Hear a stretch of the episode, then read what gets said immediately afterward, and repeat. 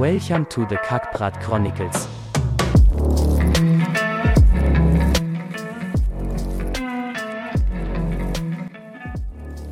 Okay, um, Mr. Mark Kemp, the Yorkshire fossil hunter. Welcome to the Kakbrot Chronicles. Thanks for having me. So today we'll we'll be going down a proper rabbit hole in terms of fossils, uh, which you are a, a, pro at finding and, and working with. Um, so uh, just tell me, um, Mark. So you are known as the Yorkshire fossil hunter. Um, yeah, what, what there we go. What's your what's your background? What how did you get into fossils? So my background isn't fossils. My background is construction, engineering. I, you know, from from leaving school, I started off uh, working in construction, and I moved into engineering. I've always been interested in uh, natural history. You know, from being a young boy, I've always enjoyed digging digging up the past and, and researching it. I found it quite exciting. Uh, so I've always had hobbies in and around fossil hunting, metal detecting, all them sort of things.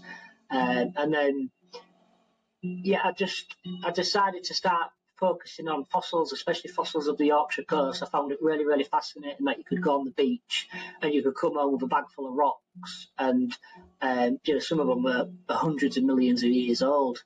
So a couple of years, ago, well, about 10 years ago, I took it a, a, lot more serious where I was going out two or three times a week. And then about two or three years ago, I took it on myself to do it as a profession, so full time fossil hunting and preparating and, and guided walks and stuff like that. So, yeah, my background is construction and engineering, which has served okay. me well. Yeah, it's not it's not that that far from um, it's not that far away from digging in the ground and picking up rocks. Yeah, I guess it's it's hard work. It's lifting every every object, and you know, and to be fair, the engineering's come in come in handy because I make my own equipment, you know, for cutting and polishing my fossils. So I've made my own flat laps and and uh, saws and stuff like that. So it has it has served me well. Tell me um, the areas you are you, are you based in Hull? Yeah, so I'm based in Hull. Yeah. Okay, and then your area of expertise is obviously the Yorkshire coastline. Um, yeah. From where where does that go? From where to where?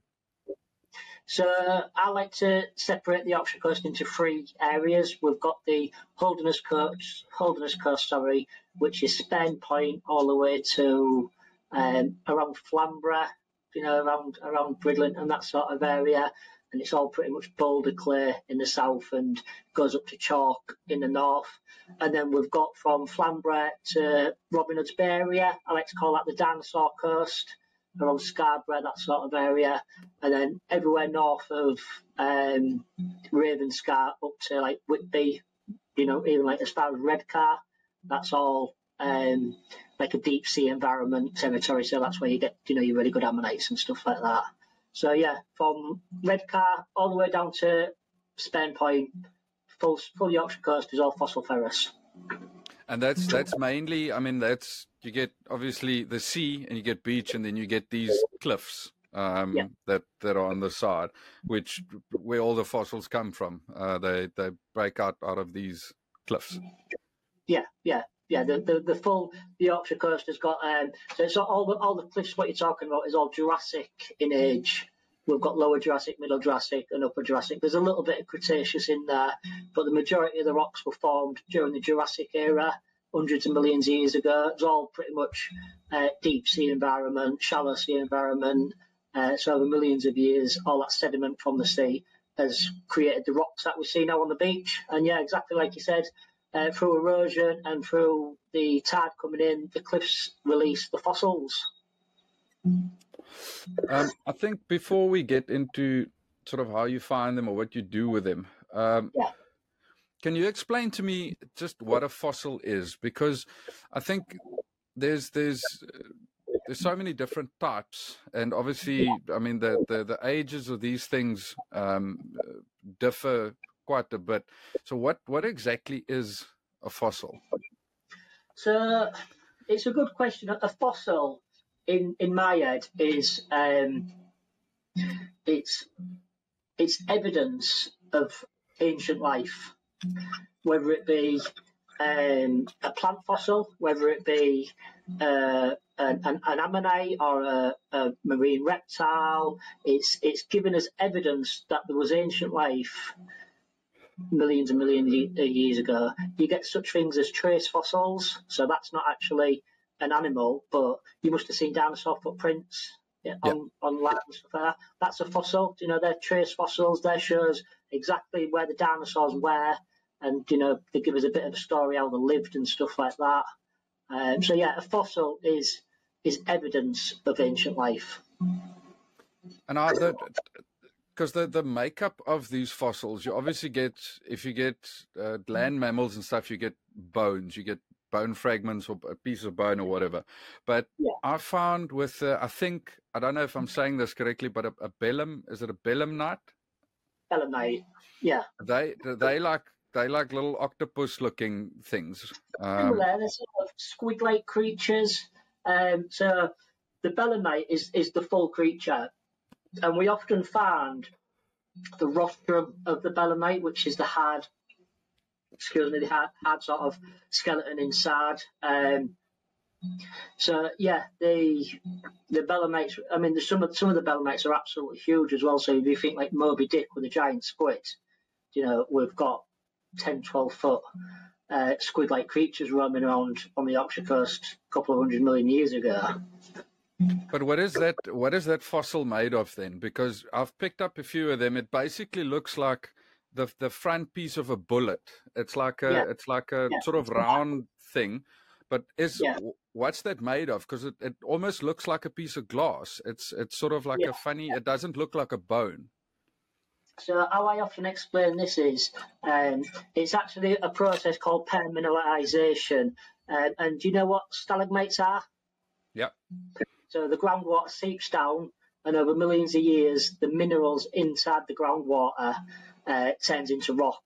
That's basically what's happening with a fossil. The fossil will die, it'll uh, sink to the seafloor, it'll be covered in sediment, and then over millions of years, the um, the exoskeleton, the hard parts, will, will um, they'll degrade away and they'll leave a cast inside the sediment. And then over millions of years again, the groundwater will seep into that open cast and fill it with uh, various types of minerals, which then creates the fossil.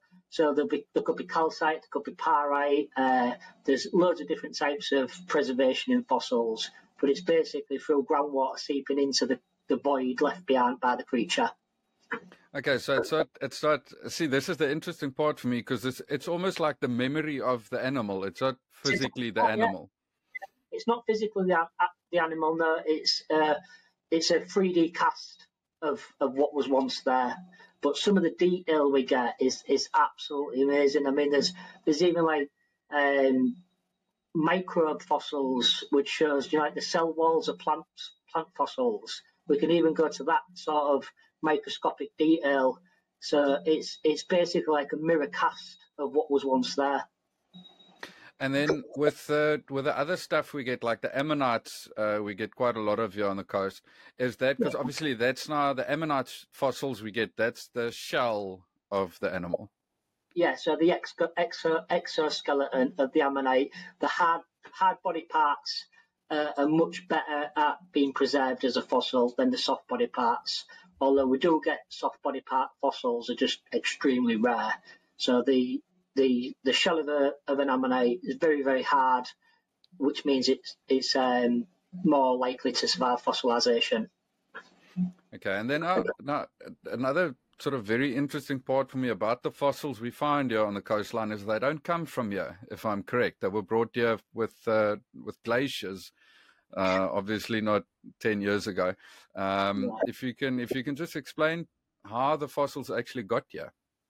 Yeah. So when you when you're talking about glaciers, that's uh, solely aimed at the Holderness coast. So have you been? You must have been along the Holderness coast, Mappleton, and, and places like that, and it's all soft boulder clays. The the clay, the cliffs are all full of clay. So during the last ice age, if you can imagine the the big ice sheet uh, was heading southwards obviously from the North Pole, and these these these ice sheets were absolutely huge. Anything what got in the way, they just basically picked it up and dragged it along with them. when the ice sheet um, thawed out, when it was retracting, all of these big boulders, all this clay, fossils, rocks, they got left behind. So on the Holderness Coast, it's like a big dump from the last ice age, and um, yes, all the all the rocks and all the clay was was deposited behind. Slightly different when you go up further north. That's more uh, in situ. That's more you know a, a geological formation. But the Holderness Coast is is purely glacial erratics. So the, the, the fossils that we get on the coastline here, um, are they the same ones that you find a bit more inland, uh, or is it is it a different type of thing altogether? You, you, there is sites where you can go inland, and if you dig down to the Jurassic, you know, where in geological terms, you will get the same sort of ammonites as what you find on the coast. The reason we find more on the coast is because it's a fresh exposure and it's constantly getting eroded. But if you went a mile inland and you dug down into the Jurassic, you're going to find the same sort of fossils. There is inland quarries where we get sort of different different time zones within the Jurassic, even like the Cretaceous, where you'll get different sort of species. There's a famous site in Scunthorpe, um, which is now now closed, and there's some really you know well famous ammonites from there. What we don't get on the Yorkshire coast, but we get on the Devon coast. So yeah. Okay. And and uh, with these the fossils that we get here, uh, are, are they mainly um, marine animals? It's it's animals that died while they were underwater. Yeah, so pretty much every fossil I found on the Yorkshire coast, barring well, let's say ninety nine percent of the fossils I found, are marine environment. So ammonites, marine reptile, belemnites, coral, crinoid, all them sort of things. They all lived in, in a marine environment. We do get on the Holderness coast uh, ice age material, so we'll get. Um, I mean, you can see this big tusk behind me. That's off a off a, off a woolly mammoth. Uh, there's actually there's a tooth up there as well. So we do get land uh, land mammals, you know, fossils from from that sort of era. There has been a couple of dinosaur bones found on the Yorkshire coast. So I don't know exactly um, how they ended up in a marine deposit. There could have been more like in Scarborough, there's a bit of a river formation. So they would have been on the side of the river and died, and you know over millions of years have fossilised. But they're extremely rare dinosaur fossils. Okay, so what's what's the the stuff that we find um, on the coastline here? Is there a massive? Because obviously we're talking about millions of years ago. Um, yeah. Is there? What's the time? The the the range in in in years of these things? Uh, are they all within like a a million years of each other, or is there like a fifty or hundred million year difference? So when we're talking about the, the Jurassic Age fossils, which is predominantly what we got on the Yorkshire coast, from lower to upper, you know, you've got 107, 145 to 163 million years. No, sorry, sorry. Let me let me repeat that. The lower Jurassic is 174 to 201 million years. The middle Jurassic is 163 to 174, and the upper Jurassic is 145 to 163 million years. So from 201 to 145 million years is the Jurassic era, and that's pretty much from North to South Yorkshire is, is them sort of time scales. There is a little bit of Cretaceous, which is slightly younger, uh, and then obviously the Holderness Coast is is a, is a mystery. We'll get stuff from all over.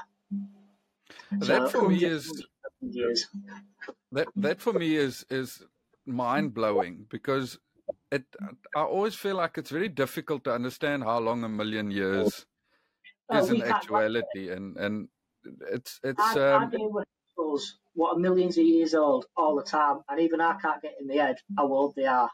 I always say I think millionaires will probably grasp it a lot better than we will. yeah, yeah, but it is because it's it's we're talking about. I mean, the age gap between stuff that that's 200 million years old and 150 million years old. It, there's 50 million years just in between the two, and then another 100 million years till now, till we find them.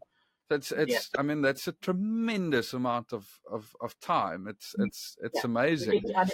And in geological terms, it's nothing.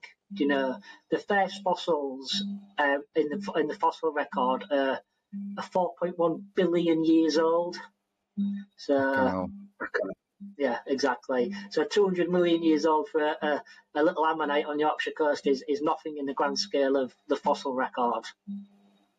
So, with this, let's say 50 million year gap between the first let's just take ammonite i don't know have you have you got an ammonite there close to you that you could just show to the screen so people can can see what an ammonite actually is?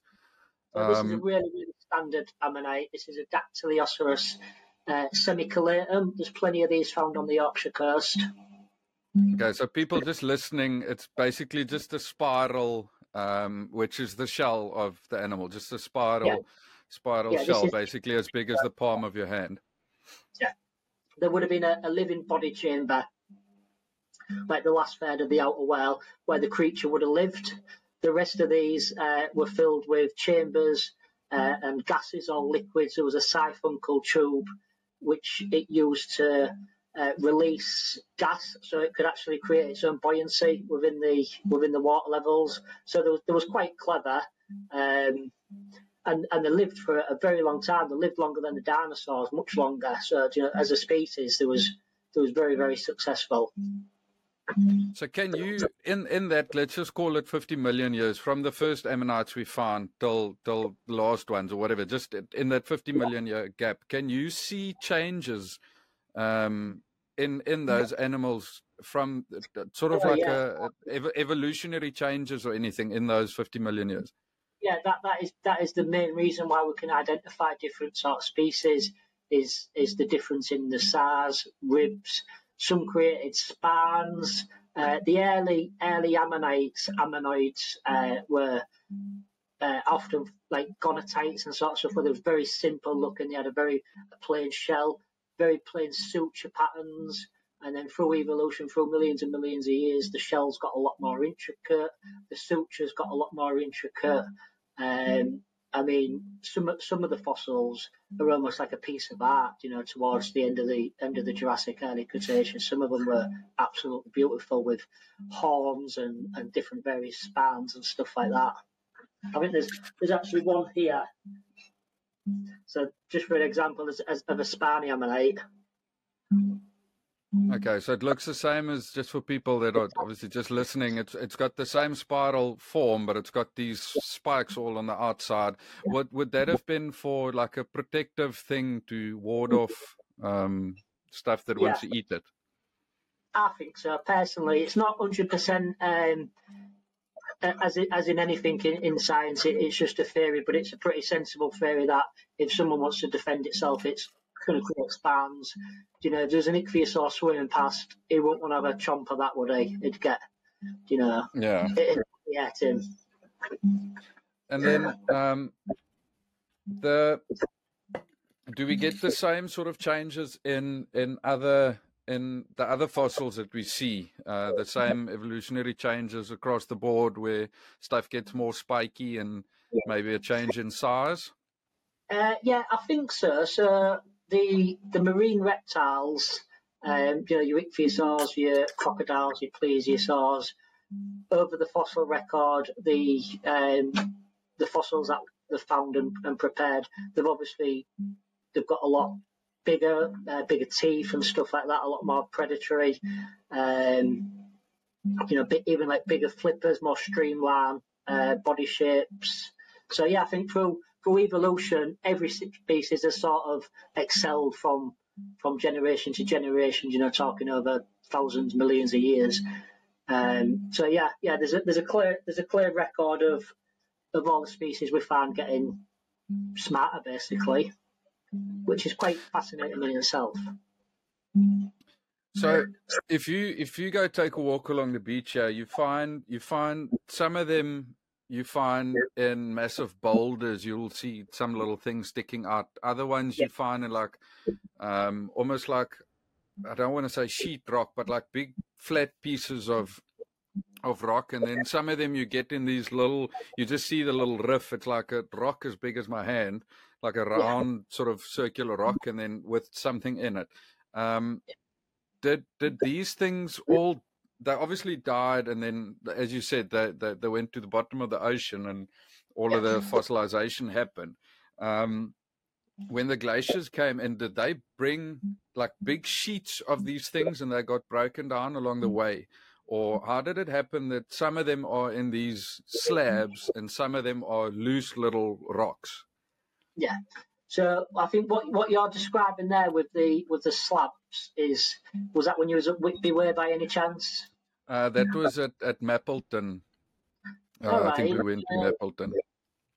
So normally with, with, the big shale slabs, that's part of the Whitby mudstones, the the Alum members up, up Whitby way, and and the shale is it's not impossible to see it on the Holderness coast because the glacial sheet could have dragged it down from Whitby. Um, so yeah, the the big grey shale slabs, you've got to look at them like a book, and every single layer is is a is a point in history of the seafloor. That's all the sediment. It's it's basically it's all that sort of stuff. And the nodules are inside the, the grey shales, and the nodules are where the ammonites are better preserved. You still get fossils in the grey shales, but they tend to be quite squashed. Did you see any flat squash flat squashed ammonites when you was there? We we found um, obviously we, we didn't have any tools with us, so the only stuff we found was the stuff that we could physically see. So we picked yeah. up, I think most of the ammonites we picked up were loose, like they, it's just the ammonite. I didn't have to take any rock out of it or take it out of a rock. Um, yeah. We found one or two clumps, like a rock with a, like five or six little ammonites sticking out of it. Um, and then there was some of the some of the bigger rocks that were obviously broken out of the out of the cliff wall. Um, you could see every, here and there. Uh, there's like those sheets that I told you about. Now you could see sort of here and there something sticking out. Um, so that was basically the the the variety of of ammonite sort of deposits that we saw. So the, the majority of the fossils you find, they will be surrounded by the host rock, and it's often the host rock what tells us uh, where roughly in the geological timescale the ammonite comes from, because we know through the uh, microfossils and, and, the sediment and stuff like that, roughly, even like the colour of the rock, you know, there's certain colours where I can look at and say that's from there, you know. Um, it's it's quite as as a fossil hunter, if I find a fossil without any host rock on it, it's sometimes a little bit stumping because you sort of go hand in hand with uh, you know the identification.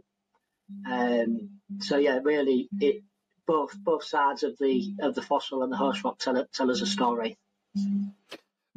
Okay, so um, between the time that these fossils between the time that these animals died and turned into fossils and um how can I ask this now? When did when did the glaciers bring them down? And when did the animals actually turn into fossils? Yeah, I think you're getting confused with the glaciers. Uh, the glaciers is only subject to the Holderness coast. Okay. Uh, the, the, the, the rocks up up north at Whitby Scarborough, there was already there. The glacial sheets just glided on top of them all. Basically, they would have picked some of the rocks up from up north and deposited them on the Holderness coast. Okay. Um, so yeah, these fossils would have been long fossilised when the glacial sheets came on top. The glacial sheets was 30 to 50,000 years ago during the last ice age. So like a blink of an eye, basically. Yeah the fossils were long dead, long fossilized, millions of years before that. Yeah, it's it, it really is. Um, I'm I'm I'm working on another episode, um, uh, and there's a piece of it uh, going about the about the Egyptians, and and I think it's it's the same sort of struggle because we can't interpret that amount of time. I mean, yeah, I, it's, it's I, I, I can I can I can understand what a hundred years ago is and and 200 years but going back 200 million years it's it's i, yeah. I don't think i understand that fully um it's it's so long ago that yeah. that you just yeah it's it's just weird um your um i want to i want to there's there's there's obviously not just fossils that were that that we found on the coast here. There's other stuff like I know we've uh, uh, we found a piece of that fool's gold yeah. um, stuff like that. Was that also brought down from up north, or was that from here? Uh, yes, yeah, so I think the majority of the of the fool's gold we found is is up north, but there will be some pockets of it at, at the North Sea. Uh, so fool's gold's quite interesting in itself. It's it's pyrite, as you know. Um, and I remember reading one time, fool's gold is actually uh, an indicator of extinction level events because with the oxygen uh, decreasing, fool's gold was a lot more prominent in the you know in the Earth's crust, so to speak. It formed much more easily when there was extinction level events going on. So when we find pyrite, we know basically the fossil, the ammonites, the dinosaurs, etc., were, were dying off. Oh, what, what, what's interesting for me about that about that fool's gold is we we found some ammonites that looked the same as those as those nodules or whatever you call it, those pieces of yeah. of fool's gold. Are they are they made up of the same stuff then? Yeah, so you can get um, part of the permineralization processes. Uh, some of the fossils can be preserved in pyrite. So I mean, we get a few up Yorkshire, but you must have heard of the pyrite ammonites down Dorset way on, on Charmouth Beach. And they get perfectly golden ammonites. They're just 100% yeah. pyrite. They're absolutely stunning. But we do get a lot of pyrite up north. Just it, it's generally not as as um, as shiny, you know, as, as, as nice as down south. So it basically what the what the fossil look like looks like when we finally get it. It all depends on the environment that it was fossilized in.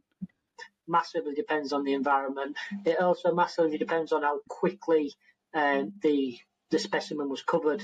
You know, if it was left on the sea floor for a couple of weeks, you've got to imagine there'd have been predators scavenging on it. There would have been a high energy environments rolling it around, and bits would have broken off. So if you think a, a complete ichthyosaur died and went straight to the sea floor and was covered in sediment instantly in like a high energy environment, uh, there's much more chance of that full ichthyosaur being preserved than if it had been rolling around for a couple of weeks and other creatures would have been nabbing at it. I, I also see um, on these on these fossil groups that I've joined on Facebook. I see um, people find a lot of shark teeth as well. Um, are they are they yeah. from the same sort of movement, or are they just sort of stuff that come in from from turbulent seas? Yeah, so I saw your I saw your question about sharks' teeth, and uh, unfortunately, we don't really get many on the Yorkshire coast. So I can't really talk too much about shark teeth. I'm not I'm not really aware about them. I know they get some in Herne Bay down in Kent. It's really productive from down that way. And I think lower down on the Norfolk coast, they get a few shark's teeth, and maybe around, you know, the Isle of Sheppey and stuff like that. But it's not some I've, never found a shark's tooth. Okay. Um, so, so what what is the let's let's do this. What's the rarest um, the rarest fossil that you can get here or that you've found here um, in in in your opinion? That's a good question because, yeah, I'm glad you said in my opinion. Um, I mean, there's some really, really rare ammonites. People talk about marine reptile being like the uh, the mecca fossil hunters, you know, an ichthyosaur or a plesiosaur. And, and don't get me wrong, they're absolutely brilliant. And I've got some really nice examples of marine reptile. There's literally thousands of them being found now, you know, from hundreds of years ago to even modern day that they're still getting found. So yeah. Do they, sorry, do they look? Is that like a lizard looking thing, or yeah, what so do they look like? Ichthyosaur, you know, the, the marine reptiles are like like a dolphin basically with okay. with teeth, teeth, yeah. Um, so they're like sort of what people strive for on the Yorkshire coast. But I'd much rather find a nice rare ammonite. Uh, so one of the ammonites I've got in my collection is a Ancyloceras sensu. Uh, try saying that when you're drunk. Um, it's, it's, basically it's it's from the Cretaceous era, so it's younger than the Jurassic, uh, and it's an uncoiled heteromorph. So it's not like what I've just shown you, like a spiral ammonite. It's it's literally uncoiled, like a like a trumpet shape, sort of. I mean, I've got it. I've got it here next to me to show you. So that is an ammonite, believe it or not. Bloody hell, it's massive. Yeah, yeah. So the um, the body chamber was quite short. Uh, there would have been a little bit on top of here what returned back, but this is um, this is one of the only ones of its kind found on the Yorkshire coast in in hundreds and hundreds of years. Uh, there's been a few fragments found, but nothing as complete. Uh, they get a lot of these on the Isle of Wight down south, but for Yorkshire, this is a pretty rare rare specimen. Okay, so yeah, for people just listening, it basically looks like a smoking pipe almost. Um, is is that is that still in the same family? I mean, that's still an ammonite, or is it something that's different? yeah, yeah, it's just slightly more evolved, uh, and it's from a different, uh, a slightly different time zone. So it's from the Cretaceous period. Uh, but yeah, it's still in in all um, all purposes, it's still an ammonite. Okay, and then would, we found Okay, so we went to we went to Mappleton twice. Um, so Mappleton is a little little town, yeah, not far from from Ottringham where we, where we are. Um, and went there one day because someone told us there's a shitload of fossils to be found there. Had absolutely no idea what to look for. Uh, we googled a few pictures and we saw the ammonites and stuff. And went there and we found nothing, uh, mainly because we had no idea what to look for. Came back. Uh, very disappointed. And then uh, we did a bit more research and also looked at the tides because it's very easy to get caught in that little piece of piece of coastline by Mappleton. So we went when it was low tide and um, basically spent the whole day there. And we found um, we found mostly ammonites, and there was a little shell thing. One of the people there told me they call it a devil's toenail. Um, we found a lot of them. We've actually found some of them on the farm here. Um, is would you say the ammonites and those devil's toenails are they the most commonly found fossils around here? Yeah, especially on the Holderness coast. So the, the devil's toenails are a Gryphaea, the part of the mollusk family. Uh, so there would have been a little creature living inside. They spent most of the time hiding underneath the seafloor because basically there was just food for everything. But sorry, I just got a pop up. Um, yeah, the the Gryphaea are very very common. You can literally go some days and fill your bag up with with devil's toenails. They're pretty cool. You know, if you get a nice one, they're nice to collect. Uh, and then belemnites, crinoids, ammonites, they're sort of next on the on the common spectrum. But the is reason I get the... more is because um, basically there was a lot more of them. They breeded a lot more. Uh, there was much more prolific in the in a shallow water environment. The you you said that, is it a crinoid? Yeah. What what's that? So people, when they think of crinoid, they often think of a plant like a sea lily because they were they were also known as a sea lily. But there was actually live, there was animals um, that, that, went from rock to rock. Sometimes it was in large colonies, uh, and they would have had. They basically they had a stalk and a and a head, and they would have had little feeding arms uh, just drifting in the in the ocean's currents, uh, feeding off uh, microbes and stuff like that. We actually do have um, sea lilies still alive today, so the, the classed as a living fossil.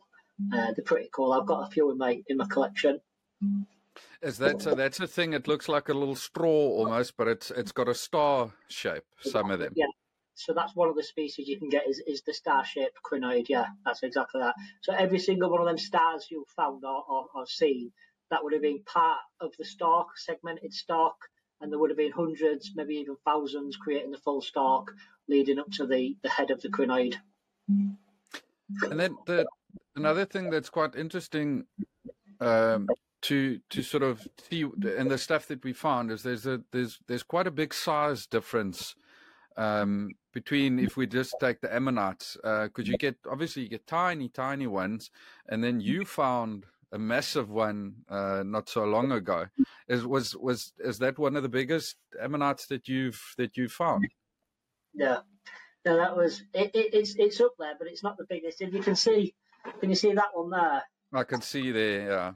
Uh, that's you know one, two, three, a foot and a half a foot and a half across. That's a huge ammonite from uh, from and The one I found the other day was probably a foot. Uh, but you're right, you can get uh, super tiny fossils a couple of millimeters across. And I think the biggest ammonite I've ever seen is is in the Whitby Museum, and it's as big as I am off the ground. Good, you, you said these animals um, they get quite old. Um, what's what's the lifespan? If we say they get old, how many years do you reckon they would have lived for? Yeah, so that's that's an interesting question and one that science hasn't been able to answer purely because without a time machine, we can't physically go back there and, and, and time them. I think it's safe to say that the you know they could have lived 100 years, 80 years. They could have could have been much shorter. It could have been much longer. Uh, but judging by modern day nautiluses, which are classed as living fossils, I think they do estimate it around, you know, that them, them sort of time scales. But we don't know for sure. I guess it all depends on, I mean, what food sources were available as well. Because obviously, if there's an abundance of food, animals get bigger. Um, and yeah. if, if yeah. there's a scarcity, they stay small. So it is, exactly. I guess it is difficult. Yeah. And it's yeah. also quite interesting when you mention sizes because um, in the Ammonite kingdom, there was macroconches and microconches. So the females would have been much larger, the males would have been much smaller. Is there? Can you can you tell just from finding an ammonite if it was male or female? Sometimes on the more common ammonites we find, like the Dacks uh, and the Ildes and stuff like that. Uh, I think I've got. Yeah, I, I, think I've got one an example somewhere behind me where um, there's a there's an obviously larger ammonite amongst the group, so that was probably the female, and the, the smaller ones were the males. But there could have as well been the juveniles, so it's not like an hundred percent we know exactly, but we can sort of take an educated guess and say, you know, they were the males, they were the females. Okay, and tell me, is there is there something that you've still not found? Is there something on your bucket list that you would like to find, or have you found pretty much everything that is to find on the coast? No, there's loads. I still haven't found a T Rex skull. is that is that something that you could find? Yeah. well, no, no, definitely not. Um, yeah, so there's there's some really really good stuff I'd like to find. So I've got um, you know some partial marine reptile and stuff. I'd like to find an ichthyosaur skull. Uh, there's a few ammonites I'd like to find. There's a few more crinoids I'd like to find. I would absolutely love to find some dinosaur remains. That'd be uh, like a big moment for me if I found even just a small toe bone. You know, I'd, I'd be absolutely thrilled with. So yeah, okay, dinosaur bone, please. oh, well, we'll we'll speak that into the universe, and hopefully next weekend when you go out, you can go and find one. Um, tell me, have you done have you done any international fossil hunting, or has most of your fossil hunting been on the coastline? Yeah. Yes, uh, up to now, I'm I'm, I'm UK. Uh, I've done obviously the Yorkshire coast. I've gone down to uh, Folkestone. I've done Devon. I've done Somerset. I've done Wales. I have got plans to go to the Isle of Wight in February, uh, and I'm going to do a lot more like Scotland, um, Ireland, and stuff like that. And then hopefully, if things carry on going quite well, I will be going to France, Belgium, Germany, Holland, um, even as far as Italy. There's some sites there. I'd love to go for a trip to Italy. Uh, but the, I suppose the the holy grail of fossils for, for someone like me will be China or America. Um, America's well known for you know the Badlands. They get that's where they get the T Rexes. So I'd love to go spend a week there digging up dinosaur bones. It'd be a lot more difficult for me to go to China because I think there's you know certain rules and regulations there. But they get um, some of the fossils that have come out of China uh, are simply the best in the world. The preservation, even like the feathers, you know, are preserved in some of the fossils across there. So I would love to go, you know, international the fossils that that you've that you find um, more down south in the UK are, are are they also just mainly marine animals or? Yes, yes. On the on the uh, world famous Jurassic Coast, which is Dorset, um, so around Charmouth, Lyme Regis, Eype, Burton, Bradstock. It's all marine sediment. Um, what you've got to what you've got to realise is is the country England won England 200 million years ago. It wasn't even yeah. where England is. It was basically. Uh, so do you know where Morocco is today? Yep. So basically, we've moved from Morocco to where we are now from 200 million years ago. So it would have been the coast of Pangaea, the great supercontinent, would have been roughly around that sort of area. Uh, it would have been um, just off the coast, so you know, marine environment, and then over 200 million years, that area of the earth has, has migrated to what we now are as, as England. Okay, okay, yeah, that that makes that makes sense. Um, tell me if if um, if I go out again um, to go look for fossils, have you got any tips and tricks what I must what I must look for? Because it's obviously just walking around and looking for a specific thing is difficult if you haven't if you don't know what you're looking for. Um, yeah, if yeah, there's any tips and tricks that you can give up. So what? Yeah, of course. I mean, I'm all about sharing the knowledge. So what? What the the, the main thing I say to people when I get asked that question is, um, you know, do a bit of. You don't have to be a bookworm and stuff like that. You can do a bit of research. You can go on YouTube. You can go on Google, and you can sort of look for fossils that have been found on the Yorkshire coast to give you an idea before you go. I wouldn't. I wouldn't advise anyone going just blind. You know, do a little bit of research. Um, even join the Facebook groups. Uh, there's the Yorkshire Fossil Hunters and stuff like that on Facebook. See what's being found in your local area before you attempt to go out. And then when you do go out, just slow right down. There's no rush. You know, you, you don't have to be the first person on the beach. You don't have to walk 10 miles, you know, to get the best stuff. Just slow down, really concentrate on looking at all the different types of rocks on the beach. And if you see any signs of any like ribbon or a cross section of something you think, well, that looks a bit unnatural or natural, whichever way you look at it. You know, have a really, really good look and just put stuff in your bag. You know, there's no law saying you can't take stuff off the beach. If it's if it's ex situ, i.e., loose on the beach, you're perfectly, you know, in your own rights to take stuff off the beach. You can go with a hammer, you know, and your safety glasses and stuff like that, and start splitting rocks if you want. But yeah, my main advice is just to slow right down, uh, really concentrate on looking at the small stuff. Don't just, you know, think you're going to find a, a six foot ammonite because I've been collecting for years and only found three or four big ammonites. Most of them are uh, an inch, two inch in size. Um, and yeah, time on the beach is another great one. If you if you don't if you're not on the beach, you're not going to find a fossil. So go go often, go regular. Uh, expect not to find fossils. I go some days and don't find a single thing. People message me all the time calling me golden balls and stuff like that. But I'll be, I'll be out three, four times a week, and sometimes I'm not finding nothing, and then other times I have a really good day. So the main thing is get on the beach, look for, look look amongst the rocks, get familiar with the rocks in your area. You know, research what fossils are in the rocks in your area, and you'll be off to a much better start. There's there's obviously times that are better than others to go. Um, I think the the last time that we went that we found quite a lot was um, was just after heavy rains. So there was quite a lot of break off from the from the from the cliff sides, and yeah, I think yeah. obviously with the with the with the rain and the bad weather that was happening a day or two before we went, the seas were actually also quite rough. So that that also helped um, quite a lot of the breakdown. Um, so there's you could you could actually see because because low tides are very low um, on that piece of, of Mappleton Beach that we walked. I mean, it's it's it, the sea almost rolls back like a hundred meters. So there's there's there's it's very flat. So there's there's quite a lot of area to cover. Um, yeah. But if you if you look at sort of the bigger picture, if you stand back and just look where you're supposed to go, you can see a line of call it sediment or whatever going down the beach. Um, and and it, it, it definitely helps if you look at, at that. Yeah, so that what you're you're mentioning, I, I, know straight away that's that's what we call a boulder field, the boulder clay. So you imagine imagine yourself on on Mappleton Beach now and remove all the sand. It's just gone.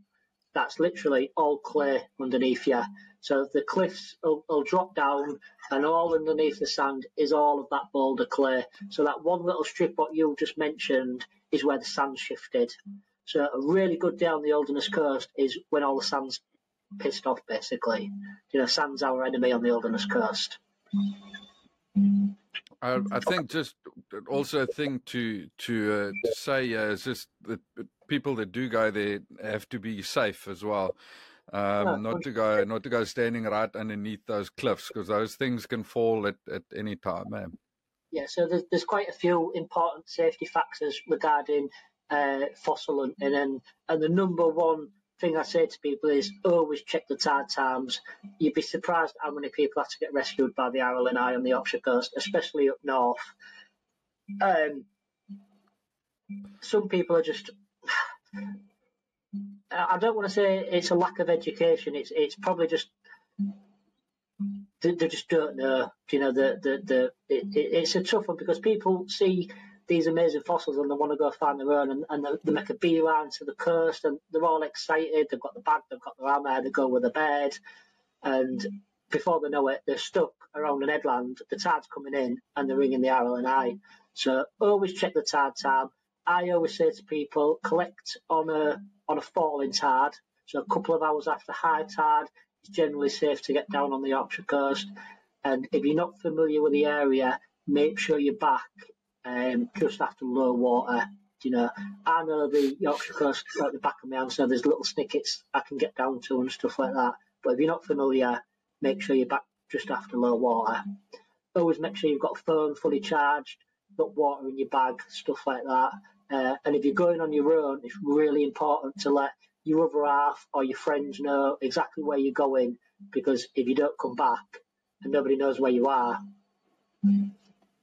yeah, then they know where to look for you because that is a problem. Because obviously you're just looking down, you're looking at something to find. You don't yeah. look, you don't look up, and you don't look at the tides coming in. Uh, yeah. So it is, it is a, a, good rule of thumb to just sort of straighten up every once in a while and just look around you. I, I can, as daft as it sounds, I can actually hear when the tide is changing. There's a there's a moment of slack water where it almost goes deadly quiet, and then the water, the, the tone will turn, so I can like hear it now when, when I know to get off the beach. Uh, but it's also important to, it's a tough one because all the fresh fossils are coming out of the cliffs. So where do you go when you go fossil hunting? You make a beeline for the cliffs. But you've got to remember some of the cliffs on the Yorkshire coast are the highest cliffs in the country. You know, Ron Boulby, the three, 400 foot high, that's a lot of rock above you. If a, a little rock from the top falls down and hits you on your head, you're in big, big trouble. If there's a massive cliff fall, you know, that's it, you're dead. So you've really yeah. got to be very, very careful. Without, I don't like to scaremonger people because I want people to go on the coast and find fossils. But you've really got to, you know, use your common sense. If the cliffs look dangerous, if, if they're creaking and if the rocks are falling, just don't go near the cliffs. On my guided walks, we're never near the cliffs. We're always doing fossil hunting at the low water marks, and we always found plenty of fossils. Um, it's always advisable to go with more than one person just in case anything bad does happen. Um, but there's plenty of information out there online for people to, you know, to make up their own minds on where to go and, and when to go and, and, that sort of stuff. While we while we're on the topic of your guided walks, um, if you can just tell me a bit more about that. If people want to contact you for a guided walk, what goes into these guided walks? What if you can just explain that?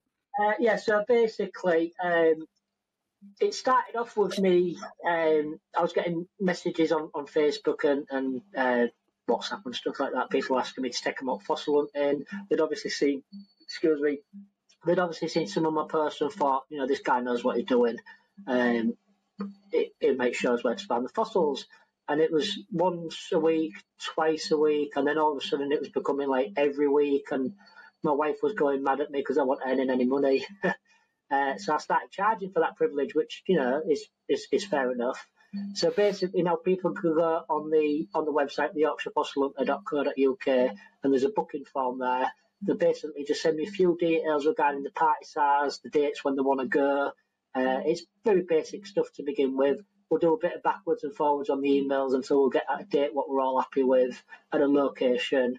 Uh, small deposit pay the remainder on the on the day of the guided walk. We'll meet up on the beach.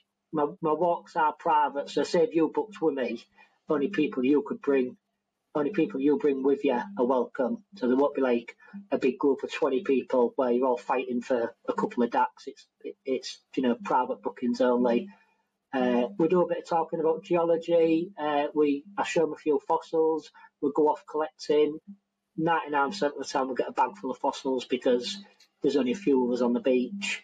And the odd time where it's been a bit barren, I'll just take them to another location, and we generally always find some. And they've been a, a massive success. Yeah. Do you do this any time of year, or is it seasonal? Or no, this is the beauty about being um, about doing private walks.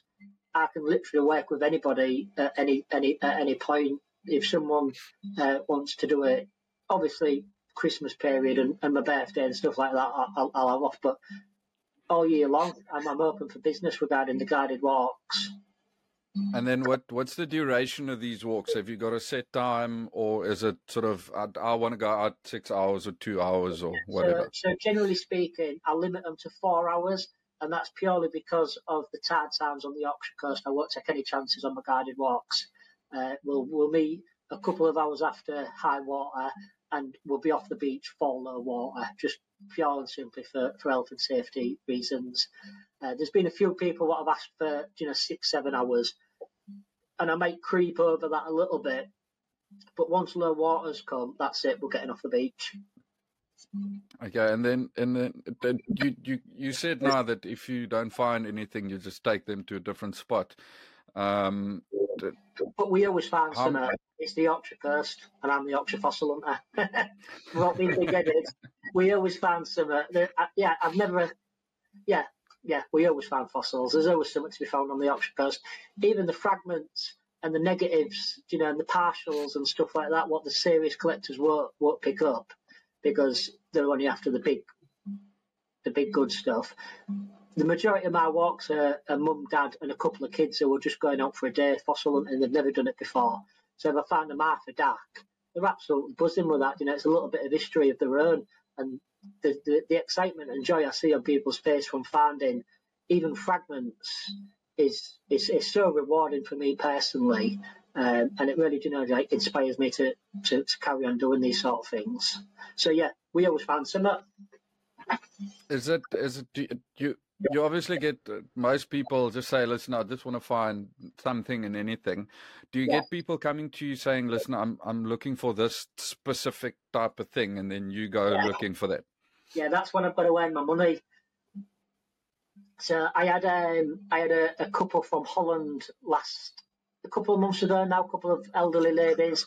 They've been involved in uh, museum and fossil in all their life, and they, they emailed me and said, "Mark, we want to come um, to the Yorkshire coast. We want you to take us out, and we want to find ginkgo plants." Very specific ginkgo plants out of all the fossils. So me being me, yeah, that's fine. I know a spot, let's go. Um, I took them to a place I know at Burniston, and within 20 minutes, we'd found like half a dozen ginkgo plants. The ironic thing about that story is the amount of times I've been to frigging Burniston to look for ginkgo plants, and I've hardly ever found any.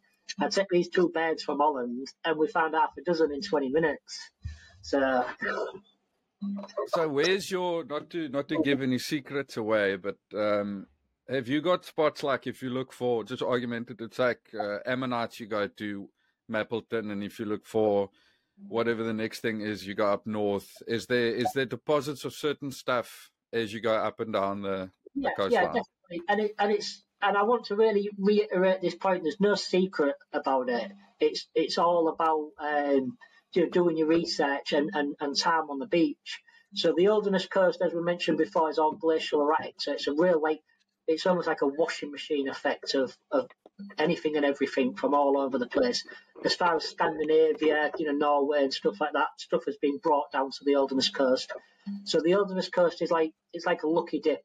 You can find weird and wonderful things on the Holderness Coast.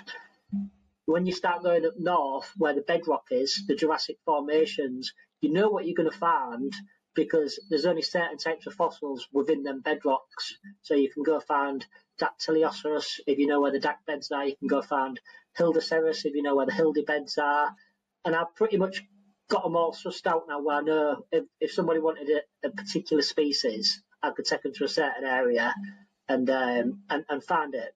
There's a few examples like the really rare ammonites, the Haugias and the and the Frechiellas and stuff like that, where I could take them where they're meant to be, but we probably won't find one because I've only found one of them in, in all my years of collecting.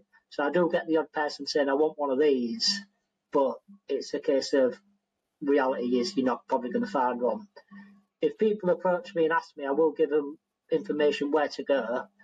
There's a few spots on the Yorkshire coast I won't tell people about, and that's not from a uh, from a point of view where I want it to myself. It's purely because some of the access is quite risky. There's a few areas where we do a bit of rope climbing down and stuff like that, and there's no way I'm going to tell someone I don't know to go down a rope in the middle of winter because if they have an accident, it's on my conscience bit. What are the what are the rules of picking stuff up? Um, anything? How does it work? Because we were we weren't sure when we went down um, if we were allowed to just go pick up stuff. How does that work? Basically, everything you found, you'll have to um, you'll have to hand in to me in the next twenty four hours.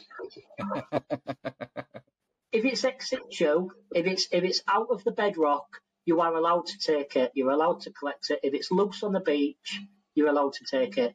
There'll be a, a couple of little grey areas amongst that, but generally speaking, the the general vibe is if it's loose, you can take it. If it's loose and it's I'm, I do not want to say new species because new species is, is, is likely not going to happen. But if it's scientifically important, you've got a bit of a, a, moral obligation to let a museum at least look at it. You don't have to donate it, you don't have to sell it, you don't have to do anything. But you've if if, if science can be improved from what you found, I'd, I'd, I'd strongly advise you you at least let them look at it. If it's in situ, i.e., if you go to Whitby and you're on the on the Whitby mudstones on the shale members, and you see a big ammonite or a big ichthyosaur or, or any fossil, and it's in the bedrock, you aren't allowed to take it. Most of these places are triple SI sites, which is a place of scientific importance which is a bit of a grey area in itself because there's been no scientists on the beach in bloody years. But that's that's for another day. That. Um, so yeah, if it's in if it's in situ, you're not meant to be cutting them out. You're not meant to be removing them. You're meant to be reporting them to the relevant authorities, the museums and stuff like that, and they'll maybe come and take it out if they've got time or if they've got the budget. Okay, so basically, if you can pick it up and put it in your pocket, you you find to do that basically, yeah. And if you do see something in situ, what you think's, you know, well, that that really needs to be, you know, revealed. You can, you can. There's people you can get in touch with. The um, there's museums in Whitby and stuff like that. What it it's a, it's it really is a tough one, and I don't want to say too much about it because I'm on the shelf. Well, I'm on the fence with it. Um, the likelihood is the won't come to the beach and remove it because they haven't got the staff, they haven't got the funding, so it'll just be left to, to be destroyed by the sea. There is some collectors that will go and remove it. You know, it's it might not be legal, but they'll do it just to preserve the fossil. Sometimes that fossil ends up on the black market and sold to Timbuktu for a million quid. You know, that's the that's the shady side of fossil hunting. Um, I don't blame them. I'm not against it. I'm not, you know, for it. I'm just I sort of stay stay neutral on, on, on that side of things. I think it's important um, fossils preserved. That's what I think. You you said that if it is scientifically significant, that you should rather than not take it home. But how would how would a person like me that's got no no proper knowledge of these things, how would I know what's new and what's old or what hasn't been discovered yet? Um, uh, that, that's a really good question because I mean, as you can imagine, my my uh, my messenger pings quite a bit with with new collectors, and everything that a new collector found is scientifically important. Yeah. It, it's it's a tough one. The the the main thing is if you found something, put it out there. You know, join the Facebook groups. There's plenty of knowledgeable people on there. Share your pictures. You'll still find out if it's important or not. The reality is, 99.9% of everything what's being found is not scientifically important. The museums have got thousands of these specimens, even the rare specimens. Um, I can't remember the last time there was actually a new species found on the Yorkshire coast. There probably was, and I hadn't heard about it. But um, yeah, the like the, the harsh reality is it's going to be really important to you or whoever's found it, but it's not going to be scientifically important. But there is always that chance you could find something which is scientifically important. So yeah, share it on Facebook, share it with your local museum, anybody who you know is into fossils, you know, share it with them sort of people. It is. I, I think one of the nicest things for me is posting a picture on one of those groups. You get you you get so many people that give you an answer back to a question within minutes, and they tell yeah. you exactly. They'll tell you exactly what it is, uh, where it comes from, what time period it comes from, um, yeah. and it gives you it gives you a lot of information on on what you've got, which is nice because I, I come home and I try and Google this stuff, and it's difficult to type what yeah. you have into Google because what the hell do I type in spiral shell looking fossil or whatever. But if I yeah. put it on the group, it's four minutes, and some other guy that knows his shit will comment there and say, "This is this," and it, it, it's it Google. makes it so much more fun. I, I always say Google's brilliant if you want to know how long to boil an egg or mm. if you want to know how to put a shelf up. But you ask it a question about a fossil you found on the Holderness Coast or something, it won't have a clue unless you know specifically what you're asking. Facebook is such a brilliant, you know, tool for this sort of thing. This is the main reason I use Facebook. I don't really have a have a private life on Facebook. I don't share what I had for breakfast or you know that side of things. I use it predominantly for for my for my hobby and for my business. It's all fossil hunting. And you're right in what you just said. There's some amazing, far more knowledgeable people than me on Facebook who know a lot more, you know, the finer details of, like I mentioned the Jurassic earlier on. Within the Jurassic, there's like little subzones of time as well. And it starts getting quite technical. But there's people on, on Facebook that know these off by heart. So yeah, Facebook's brilliant. If you found something you're not sure about, put it on Facebook. You might get a little bit of debate amongst a few of the academics where one will say it's this and another will say it's that. But generally, it all sort of gets levelled out and, and it's really, really helpful. Even I go on Facebook sometimes and say, I found this. Has anybody got a clue what it is? Do You know, so as much as I know, I don't know it all. We're always learning, and I'm definitely always learning something new every day. And it's and it's through Facebook what what has has helped that. On these um, Mark, on these walks of yours, um, what what kit do people need to go out? Do you give do you give people sort of the minimum stuff, or do I need to buy some hammers and goggles and stuff beforehand? So one thing I, I do advise is people don't need to bring hammers and chisels. They can if they want, um, but the majority of the fossils we find on the guided walks are, are through our eyes only. Um, there's a lot of a lot of the fossils anybody finds is, is just through your eyes. If there's anything that needs hammering and chiseling, I'll do that on the beach, uh, you know, in a, in a safe manner. Uh, sometimes I let the kids have a go. I'll put the glasses on them and we'll split. You know, just for example, like a little nodule like this. This one's already been split, but I'll split this with the kids on the beach, and it's always a nice little, uh, you know, experience for them the main if you is, just sorry if you just want to hold that up quickly because um, that's a that's a that's a good sort of thing to look for because anyone anyone will just walk past that and it just looks like a rock. But if you if you look for those little lines on the side yeah. um, you can sort of see and that shape as well um, the shape is really really important. So I, I, often refer to these as like a donut um, you know fat in the middle uh, thinner on the outside and I don't know if you can see but there's obviously ignore this crack because that's happened after we split. But there's a little yeah. bit of rubbing there. That's a really good sign. These are quite common uh, up up Whitby way. These little nodules, and if you look, lucky, you split them, and inside there's a yeah, there's a beautiful little ammonite.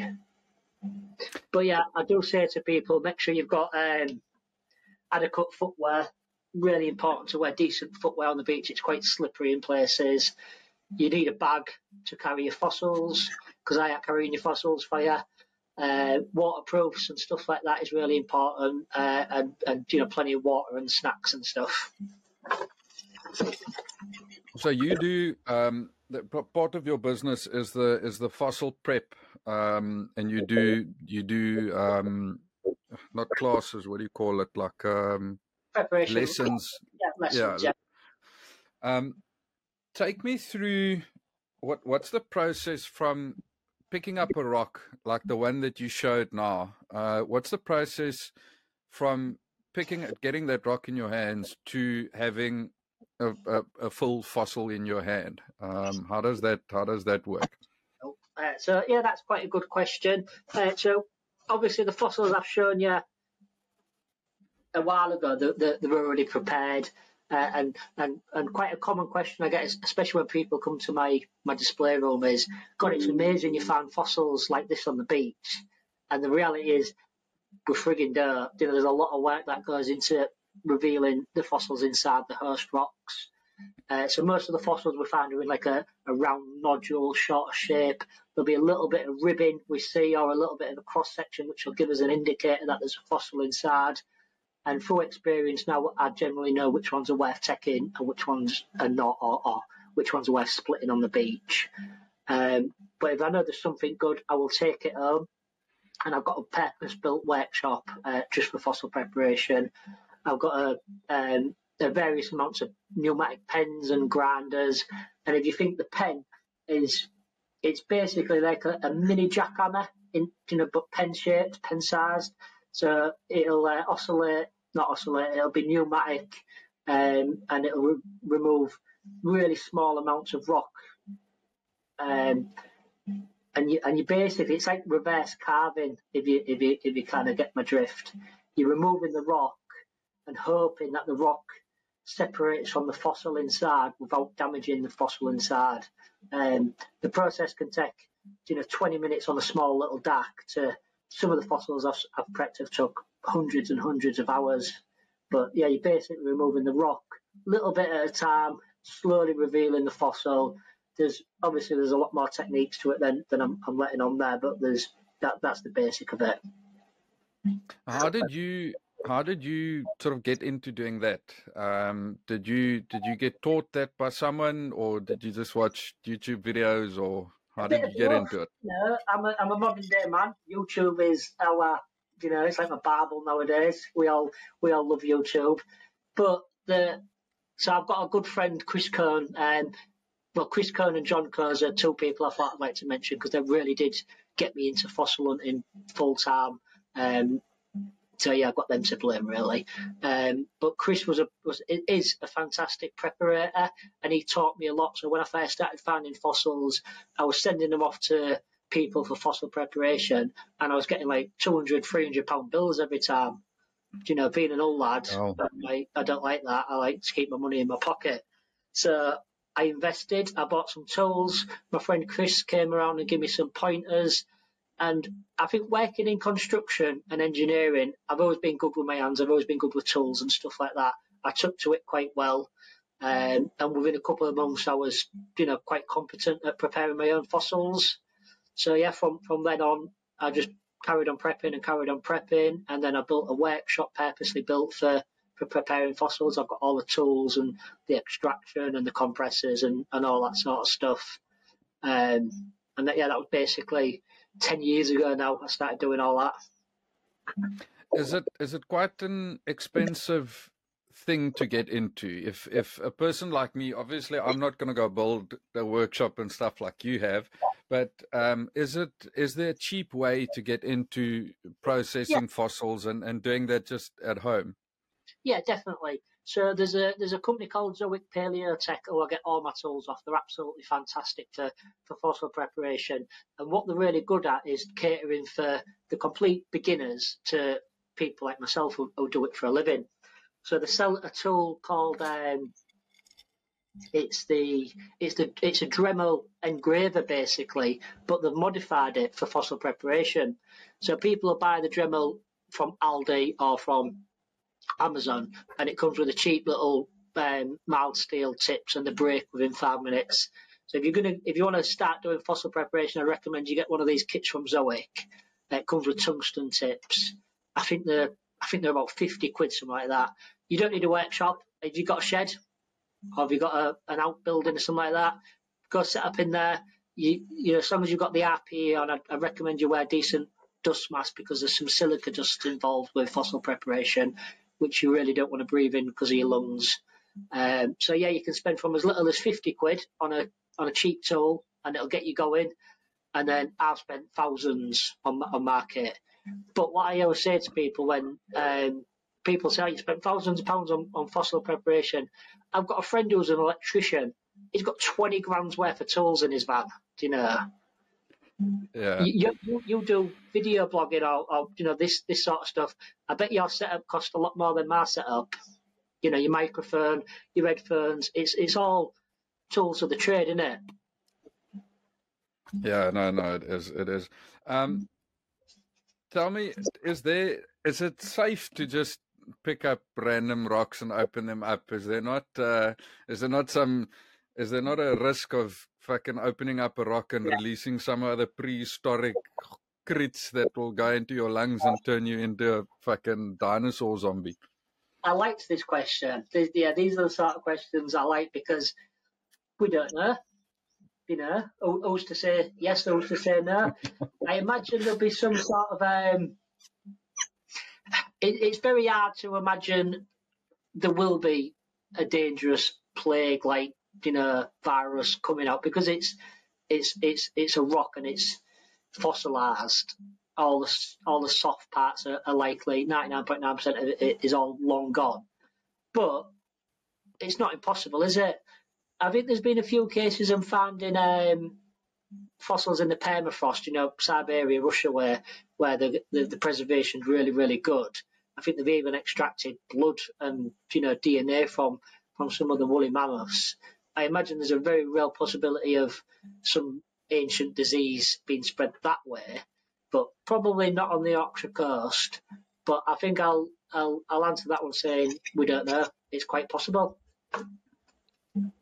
Okay, so yeah, just just wear your mask and your goggles, and uh, if yeah, you if you find some other aliens still living in a rock, just let the, the proper guys know.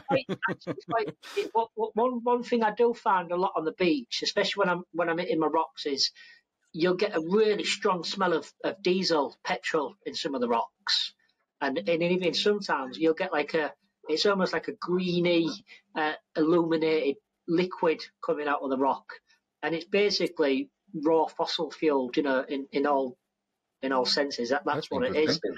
It literally it stinks like you're on a you're on a diesel forecourt. It just it, it hums of petrol. So there is some liquid in there. So you never know. um, tell me now. You've got you've obviously got a shop. Is your shop here in Hull? Well, it's it's it's an online shop. When people come to my um, my display room, I have got fossils on the shelves for sale, you know, over, over that side over there. But it's it's it's not a physical shop people can come to unless they want okay. to by by special request. Okay, so but I can, like, if you do your guided walks, um, if there's some some very cool fossils that you find, you can do the prep for the people and sort of make them look pretty, and then oh yeah, yeah, that's that's, that, that, yeah, that, that's often what happens is is we'll go out for a day's collecting, and at the end of the day, we'll have a good roundup. We'll see what's been found, and I'll advise if there's any what needs preparing or not. Normally, they, they want a couple preparing for the kids as a as a bit of a souvenir and stuff like that. Um, so yeah, I often take fossils away, prepare them, and then send them back uh, in the post to to the customers. The fossils that are in your showroom, uh, were they all found by you, or do you buy in fossils? So the majority of the fossils in my display room were found by myself. There's a couple of a couple of um, fossils what have been bought as a present by the wife and the kids for Father's Day and stuff like that. Uh, but pretty much everything behind me was found apart from found by myself, apart from the tusk and the tooth. Uh, there's the majority of fossils to the right of me, yeah, was all found and prepared by myself. There's a big wall what you can't see which is like a class that as my international section. There's a lot of fossils from America, Russia, China, Morocco, and even like down south from Dorset and stuff. What I've, I've bought a lot of them, obviously, because I haven't been abroad yet. Um, but I'd say I'd say a good eighty percent of the fossils in here are what I found and prepared myself. And then the, the, the, this might be a bit of a shitty question, but the, the fossils in your in your shop that are available online, how do you how do you put a price on something like that? Is it is it man hours that goes into the prep to get it yeah. looking like that, or how do you determine a price? Well, there's there's quite a few people selling fossils, so I'll do a little bit of I suppose they call it market research. I'll have a look what a similar sort of fossils going for. But generally speaking, if I if I find a ammonite, what I've got ten of in my collection, you know, what I don't need, I will I will prepare it, and if it takes me an hour to prepare, then that's a certain amount of money in in fossil preparation. I'll then add a little bit on for the finding of the fossil, um, and generally my prices are, are pretty reflective of, of other fossils in the you know what are for sale at other, other sites. Um, but yeah, yeah, a lot of the money in fossils is. I, I, say that as if there's loads of money in fossils. I'm not a millionaire. It'd be nice if I was. But a lot of the prices in fossils reflects the time spent preparing the fossils. So if you have a look on my website, I've got fossils from as little as £10, which took me, you know, 10, 20 minutes to prepare. And then I've got fossils for like five, 600 quid, which took me hours and hours and hours to prepare. So it's all, you know, really is time dependent. And also rarity. It was a really, really rare fossil, people will pay more for that. But then if it's a really, really, really rare fossil what I found, I won't be selling it. It'll be going in my collection. The um, the I just want to talk a bit more about the prep of things. Do you do you just open them up and sort of get the rock away from the thing, or is there do you polish them? How does how does that work? Yeah, so there's a few different. Well, there's quite a lot of different options really. If I find a rock on the beach and I can't see any obvious signs, I'll give it a tap with my hammer, and then if I break a bit of the rock away and I see a fossil inside, that's it. I'll leave it. I'll I'll bring it home for prepping. Sometimes you really need to bray a rock to, to you know to see what's inside. So if it's a complete fossil of a of an ammonite, a vertebrate, whatever, if I know it's complete, I'll be prepping it. If it's a fragment like of a of a of an ammonite, I think you can actually see. Can you see this black shiny one behind me? So that is a, yeah a big fragment of an ammonite, but it's not complete. So I cut it right down the middle, and it's revealed a beautiful black calcite of the chambers inside. So some fossils do tend to lean towards being cut and polished, you know, with the saw and the flat lap and stuff like that. And then other fossils lean towards being prepared. It's much better to prepare a fossil, you know, if it's complete. You won't want to destroy a fossil by cutting and polishing it. But if there's no other use for a fossil, if it's fragment or it's really squashed or even like really pyritic where you know it's not going to prep well, the, the last case of, you know, is to cut and polish it where at least you get some out of the fossil. Do you, most of the stuff that we've talk, talked about, uh, it's, it's, um, it's animals with shells. Yeah. Um, yeah. Have you have you ever found like fish? More yeah, sort of more more more animally stuff than what we think of just stuff in shells. You've got to remember the, the Yorkshire coast is marine deposits, so it's all it's all from the sea. So there's been some incredible fish specimens found. I've only found a few bits and bobs of fish, but in some of the museums you see, uh, like I recently visited the Steve Etches collection down south in Kimmeridge, and he's got some fantastic fish. You know, fish as as big as like a meter long, even even bigger some some of them, like ancient sturgeon and, and Gyrosteus and stuff like that. So there is some incredible fish to be found.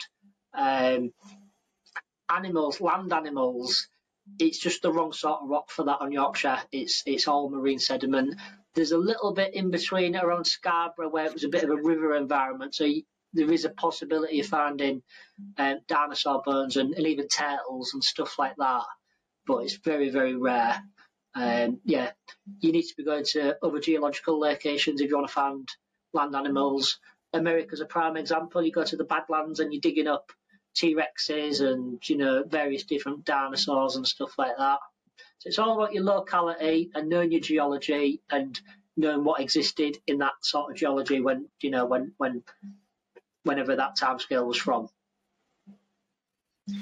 Mark, have you got any any more interesting fossils there by your side that you can show yeah. us and, and tell us a bit more about? I've got a couple.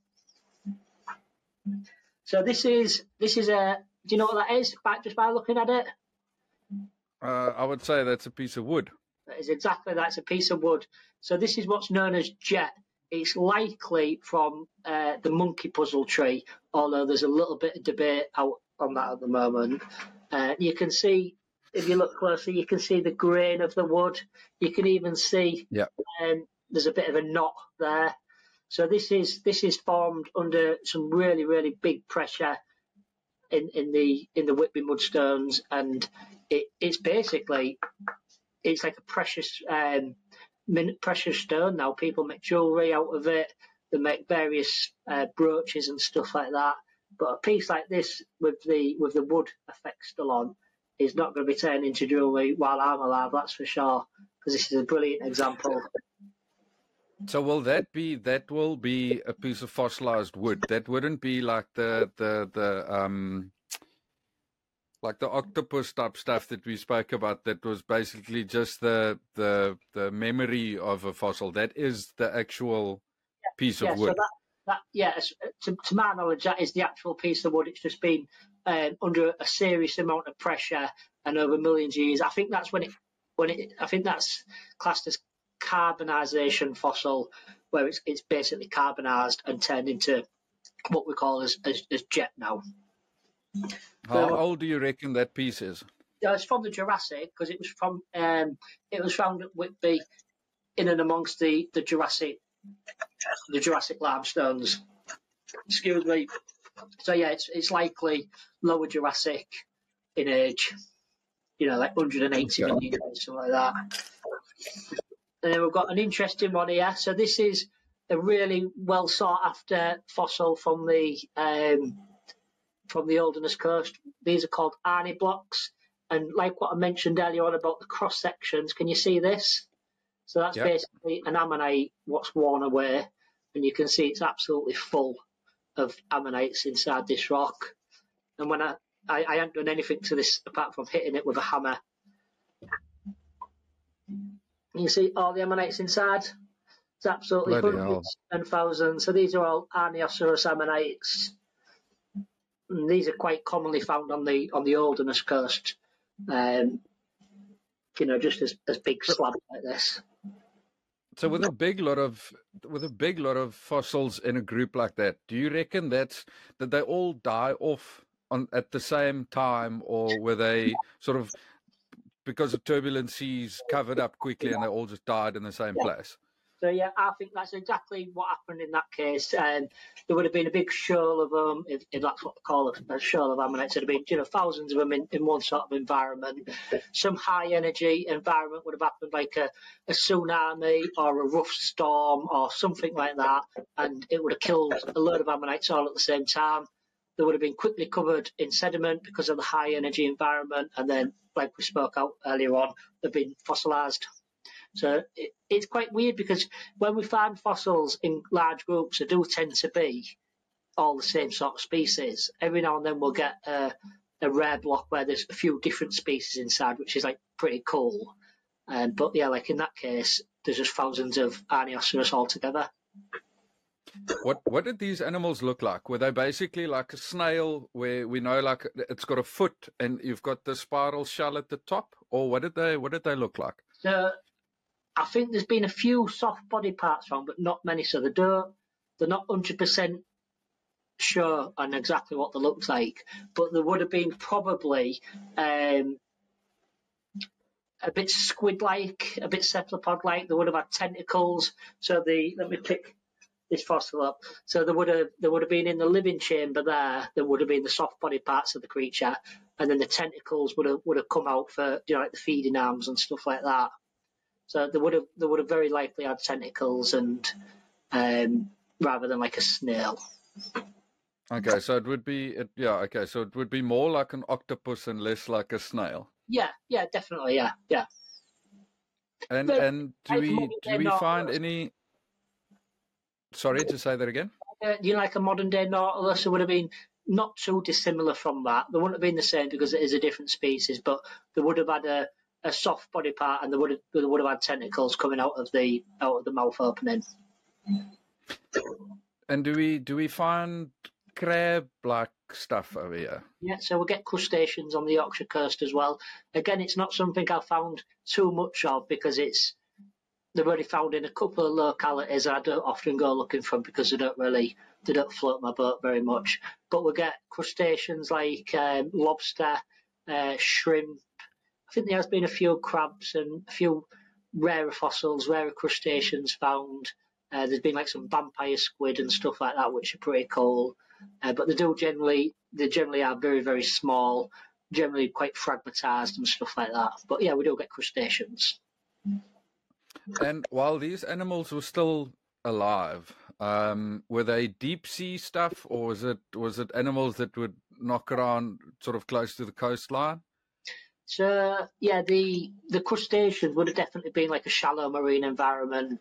Um, there is ammonites we know lived in the deep sea. Like when you got Whitby, it's a lot more deep sea environment. You know, so the the nautiluses and, and the phyllosauruses and stuff like that, they're often found in the, the deep sea environment, sedimentary rocks.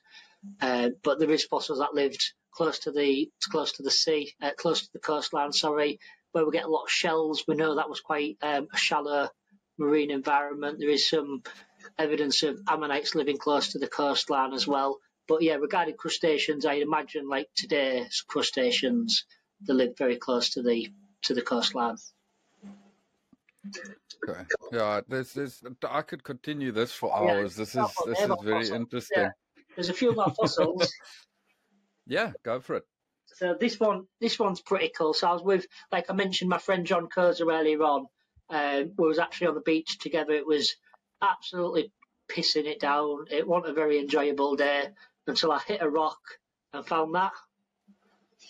So it's a big Amaltheus stokesi, and this is a good example of so we've got the large um, female ammonite here, and then we've got a couple of small ammonites, which are likely male, or they could be juvenile females. It's it's quite hard to say, but I mean that's a, a pretty stonking ammonite off the Yorkshire coast. They don't really get much better than that. So, it, are these animals that would have laid eggs, or how did yeah, that? Yeah. How did they reproduce? Uh, definitely eggs. And when you said earlier on about uh, a fossil, what I'd like to find, one of them is uh, fossilised eggs. So when I mentioned the Steve Etches collection, something he's really, really well known for at the moment is he's actually found some fossilised eggs from ammonites. Uh, they're exactly like you imagine, really, really tiny cluster of, of eggs. Pretty similar to, have you seen a salmon spawning when all the, the eggs are released? Very similar to, to that sort of uh, shape. And yeah, so the the the, the, the lay eggs. There's there's there's one other thing that I want to ask you about. I don't know if you have them there uh, with you. There's we found a few rocks that have got thousands of little looks like straws within them. Um, that I'm guessing was like uh, just a piece of coral. Um, there's a few things that that sort of jumps out to me when you say the lake straws. There's a few shells what look like long um, lands in a rock, uh, and when the when the rocks weathered down, and you see in the cross section, so it could be some type of shells, um, or it could be corals. I have got. Um, let me just grab some. One second. I think at this point, uh, anyone that's just listening, stop and go to YouTube and go go actually look at this because it's amazing to see the wall behind Mark um, with all this stuff he's found. And yeah. Uh, yeah, it's it's it's amazing. It still is amazing for me to think that those things were crawling around fucking yeah. millions of years ago. And this is only, you know, I've got four walls in here which are full of rocks like this. Uh, so this is, I don't know, can you see the little can you see the polyps I can see that? there's a little yeah, I could see the dots there. just wet it. Does that look a bit better for you? Is that what you meant? Yes, there we go. That's that. That was what I was talking about. Yeah. So this is a a a, a coral colony, um, very similar to today's corals that would have lived in colonies or, or singularities. Uh, this is one I cut and polished. So inside, you can see all the individual polyps. Oh, see. And then you get different types of corals. So this one is has got slightly larger polyps, as you can see. But these are quite yep. cool because they um, they cut and polish really really well. You know, these these are, are often quite popular. What else have you got there? What else can you show us? I'm loving this now. so this is a, an Arnio block that was found and prepared, very similar to like what I just showed you. You see the cross sections, but this one's been fully prepared. Oh wow! So that's pretty spectacular in it with the 3D preservation and the calcite preservation, which is you see the lightly coloured variations. That's a type of. But this is obviously. I mean, this is this this doesn't it doesn't look like that. You have to physically dig out the pieces of rock in between this them. was fully covered in sediment, and there would have been even more ammonites on top.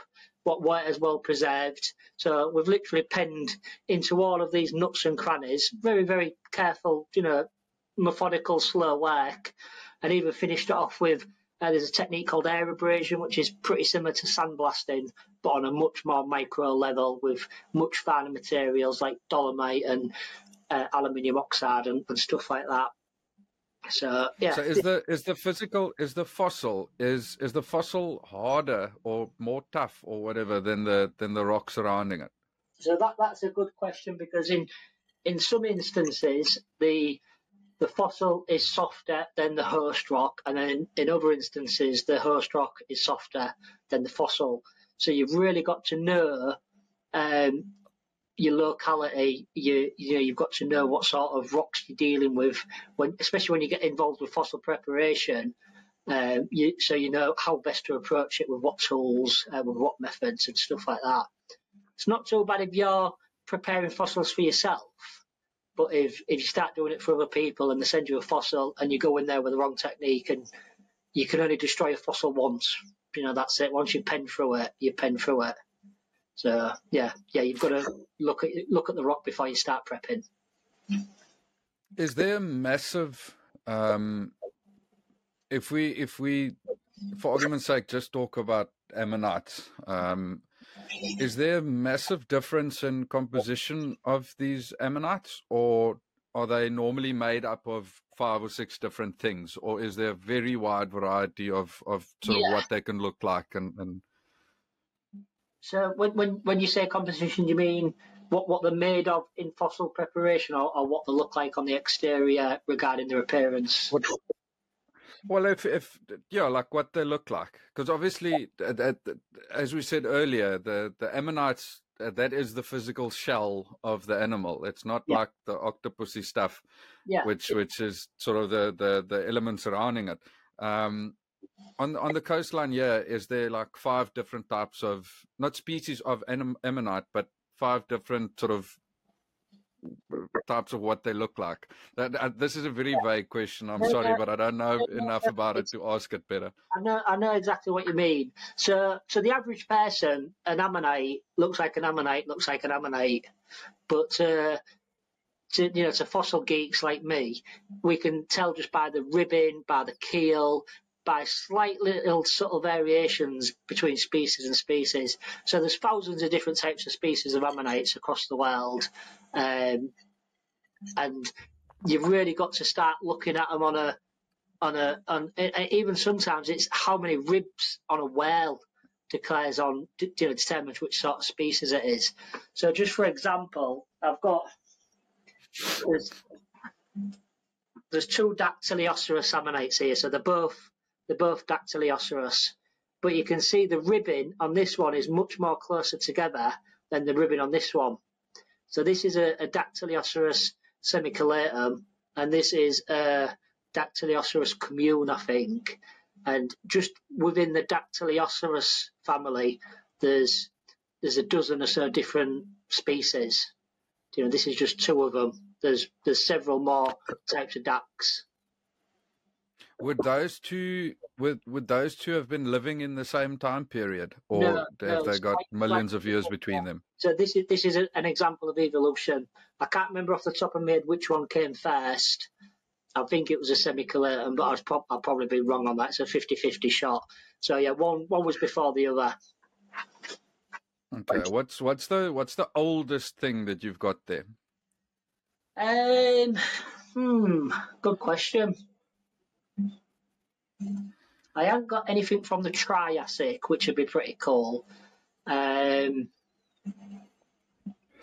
Yeah, I don't. Because I mean, if we if we, we we we do, I mean, we've spoken about the age difference. I mean, hundred million years is quite quite a big difference in in time. Yeah, I I think some of the oldest fossils I've got are probably from around Whitby, where the lower the lower Jurassic. You know, it, you could be talking up to two hundred million years old. Um, there might be a surprise in my international section which I don't know about. Um, there could be well fossil, could well be fossils from the Triassic over there. I just I hadn't done the research on it because it was found in Morocco or Madagascar, and it's not really relevant to me. But um, yeah, let's just say 200 million years old is the oldest fossil I've got for now. And then when you when you, for argument's sake, open up a 200 million year old ammonite and um, you you prep it, you you make it look beautiful. Yeah. Um, will that stay like that forever, or do you have to sort of cover it in a type of resin or something to to keep it that way, or will it break down because it's not captured in that rock anymore? Yeah, so with the ammonites, they're they're fairly quite stable. Um, I, you can give them a coat of beeswax or even like a, a diluted artist varnish. That's generally just to bring the colours out of the shell. They look a bit better on the shelf when they've had a coating. Uh, I'll give them a stiff brush with a hog hair brush or something like that every every six months or something just to make them a little bit shiny again. I try not to make them too shiny, like a satin finish is quite nice.